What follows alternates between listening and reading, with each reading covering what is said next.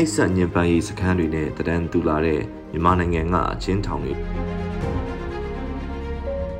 2011ခုနှစ်နောက်ပိုင်းဦးသိန်းစိန်အစိုးရလက်ထက်နဲ့ NLD အစိုးရလက်ထက်တွေမှာအကျဉ်းထောင်ဝန်ထမ်းတွေကအကျဉ်းသားတွေကိုရိုက်နှက်တာညှဉ်းပန်းတာတွေမလုပ်ဖို့အကျဉ်းထောင်တွင်ကျင့်သုံးတဲ့လက်ဆွဲတွေစီကံတွေကိုပြုပြင်တာနိုင်ငံတကာအဖွဲ့အစည်းချို့ရဲ့ကူညီမှုနဲ့လူ့အခွင့်အရေးချိုးဖောက်မှုတွေဖြစ်တဲ့ရိုက်နှက်တာနှိပ်စက်ညှဉ်းပန်းတာတွေမလုပ်ဖို့ပညာပေးကျင့်သုံးမှုတွေကာလတစ်ခုထိလှုပ်ဆောင်ခဲ့ကြပေမဲ့စစ်အာဏာသိမ်းပြီးနောက်မှာတော့အဲ့ဒီလှုပ်ဆောင်မှုတွေအားလုံးတဲတဲရေသွန်ဖြစ်က အကျဉ်းထောင်ပိုင်းအဆင့်တွေမှာတက်ကပြောင်းလာတဲ့သူတွေနဲ့အစားထိုးခန့်အပ်ပြီးနိုင်ငံရေးအကျဉ်းသားတွေကိုနှိပ်စက်ညှဉ်းပန်းရေးစခန်းတွေအလားအသွင်ပြောင်းခဲ့တာဖြစ်ပါတယ်။စစ်အာဏာသိမ်းပြီးလအနေငယ်အတွင်းမှာပဲအင်းစိန်အကျဉ်းထောင်ထောင်ပိုင်တာဝန်ကိုအရက်သားအကျဉ်းဦးစီးဝန်ထမ်းကိုစစ်ဘက်ကအရက်ဘက်ပြောင်းလာတဲ့ထောင်ပိုင်နဲ့အစားထိုးခန့်အပ်လိုက်ပါတယ်။ အလားတူတခြားသောအကျဉ်းထောင်တွေရဲဘက်စခန်းတွေမှာလည်းစစ်ဘက်ကအရက်ဘက်ပြောင်းလာတဲ့အရာရှိတွေက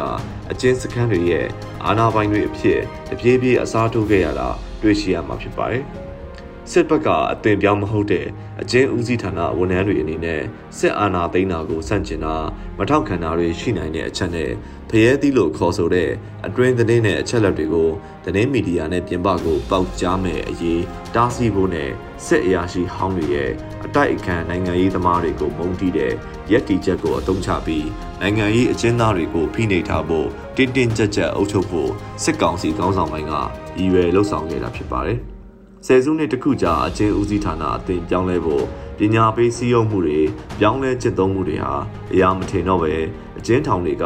နာဝတာ နာအဖစစ်အစိုးရလက်ထက်အစောပိုင်းကာလတွေတုန်းကလိုနိုင်ငံရေးပုံမှန်နဲ့အချုပ်ကျနေသူအပြစ်ဒဏ်ကြခံနေသူတွေကိုပုံမဖိနှိပ်တဲ့အခြေအနေမျိုးပြန်ရောက်သွားတာဖြစ်ပါတယ်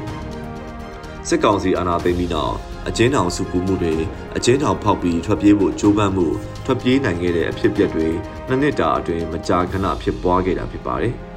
နေပြည်တော်ကနေရမဲတင်တရားရုံးထုတ်စဉ်ရဲအဆောင်ကိုကားရက်ခိုင်းပြီးရပ်ပေးစဉ်တနက်လူဖြစ်ခတ်ထွက်ပြေးတဲ့ဖြစ်စဉ်ကယခုနှစ်မတ်လမှာဖြစ်ပွားခဲ့တာဖြစ်ပါတယ်။ရမဲတင်တရားရုံးထုတ်တဲ့ကားကနေထွက်ပြေးတဲ့ဖြစ်ရမှာနိုင်ငံရေးအကျဉ်းသားတွေပါဝင်တာမရှိဘဲရာဇဝတ်မှုနဲ့တရားရင်ဆိုင်နေရသူတွေကလှုပ်ဆောင်တာလို့သတင်းတွေမှာဖော်ပြထားတာတွေ့ရှိရပါတယ်။ အလားတူဖြစ်ပျက်ကယခုနှစ်မေလတောင်ငူထောင်ကတရားရုံးထုတ်တဲ့နိုင်ငံရေးပုံမှန်နဲ့ဖမ်းဆီးခံရသူတွေအဆောင်ရဲနဲ့စစ်သားကို၎င်းတို့ထံကလူယူရရှိတဲ့လက်နက်နဲ့ပစ်ခတ်ပြီးထွက်ပြေးခဲ့ရမှာအချို့လွတ်မြောက်သွားခဲ့တဲ့အဖြစ်ရရှိခဲ့တာဖြစ်ပါတယ်။ အကျဉ်းထောင်စုတဲ့အဖြစ်အပျက်တွေမှာတော့2022ခုနှစ်ထဲမှာမုံရွာဖအံတွေမှာထောင်စုပူမှုဖြစ်ပွားခဲ့ပြီးရိုင်းနှက်ဖြိုခွဲတာတိုက်ပိတ်တာအကျဉ်းသားအများအပြားကိုအကျဉ်းထောင်ပြောင်းရွှေ့တာတွေလုပ်ခဲ့ပြီးယခုနှစ်အစောပိုင်းကပသိမ်ထောင်စုပူမှုမှာတော့တနက်နဲ့ပြစ်ခတ်ဖြိုခွဲတဲ့အဖြစ်တွေရှိခဲ့ပြီးနှစ်ဦးသေဆုံးကအများအပြားဒဏ်ရာရရှိခဲ့တဲ့အဖြစ်အပျက်တွေဖြစ်ပွားခဲ့ပါတယ်။ ယခုလိုထောင်စုမှုမှုတွေဖြစ်ပွားရခြင်းဟာအကျဉ်းထောင်အတွင်းရက်ဆက်တဲ့ဖိနှိပ်အုပ်ချုပ်မှုတွေကြောင့်အဓိကဖြစ်ပွားရတာဖြစ်ပါတယ်။ NLD အစိုးရလက်ထက်မှာလည်းအကျဉ်းထောင်စုမှုမှုတွေတခုမကဖြစ်ပွားခဲ့ပူပြီးအဲ့ဒီကာလကလူငင်းခွင့်နေတဲ့ပါဝင်မှုမပါဝင်မှုကိုမကျေနပ်ကြတဲ့အကြောင်းကြောင့်အကျဉ်းထောင်စုမှုတွေဖြစ်ပွားခဲ့တာဖြစ်ပါတယ်။ အကျဉ်းထောင်တွေမှာမိသားစုဝင်တွေအနေနဲ့ထောင်ဝင်စာအတွေ့အကြုံကိုကိုဗစ်ကူးစက်ကပ်ရောဂါဖြစ်ပွားစဉ်ကစလို့ပိတ်ပင်ခဲ့ရကစစ်အာဏာသိမ်းပြီးနောက်မှာလည်းကိုဗစ်ကူးစက်မှုနဲ့နိုင်ငံရေးမတည်ငြိမ်မှုတွေကြောင့်ဆက်လက်ပိတ်ပင်ခဲ့ပြီးကိုဗစ်ကပ်ရောဂါဆိုရင်စရာမရှိတော့တဲ့လက်ရှိအချိန်အထိလူတွေထောင်ဝင်စာအတွေ့အကြုံမပေးတော့ပဲနှစ်နဲ့ချီပိတ်ပင်ထားခဲ့တာဖြစ်ပါတယ်။ အကျဉ်းထောင်တွေကသတင်းစကားတွေပြင်ပမရောက်စီလို့တဲ့ရည်ရွယ်ချက်ဖြစ်ကောင်းဖြစ်ပေမဲ့တရားရုံးထွက်ရတဲ့သူတွေရှိနေတဲ့၍အကျဉ်းထောင်ထဲမှာဘာတွေဖြစ်နေသလဲဆိုတာတနည်းမဟုတ်တနည်းနဲ့ပြင်ပကလူတွေသိရှိနိုင်တာဖြစ်ပါတယ်။လက်တလောအဆိုးရွားဆုံးဖြစ်ပွားလာတဲ့ရက်ဆက်တဲ့လုပ်ရက်တွေကတော့လက်နက်ကိုင်းတိုက်ခတ်မှုလှုပ်ရှားမှုတွေနဲ့ပတ်သက်ပြီးပြည်တံချထားသူတွေကိုအကျဉ်းထောင်ပြင်ပခေါ်ထုတ်ပြီးစစ်ကြောရေးမှာတေဆုံးသည့်အထိရိုက်နှက်ညှဉ်းပန်းကတပ်ဖြတ်တာအကျဉ်းထောင်လက်ဝယ်ရောက်ရှိပြီးသားအကျဉ်းသားတွေကို စစ်တပ်လက်ပြန်လွဲပြောင်းရယူပြီးအသက်သေဆုံးသွားရတဲ့အဖြစ်အပျက်တွေကအရင်တုန်းကတစ်ချိန်တစ်ခါမျှဖြစ်ပွားလိမ့်မရှိတဲ့အဖြစ်အပျက်တွေဖြစ်ပါတယ်။တရားရုံးစီရင်ပြီးနောက်အကျဉ်းဦးစီးရဲ့လက်ဝယ်ရောက်ရှိပြီးတဲ့အကျဉ်းသားအနေနဲ့အကျဉ်းထောင်တွင်ထပ်မံဖြစ်ပွားတဲ့ပြစ်မှုမျိုးကလွဲရင်ပြင်ပကိုထုတ်ပြီးစီရင်စရာယခုလိုအသက်ဆုံးရှုံးသည့်အထိ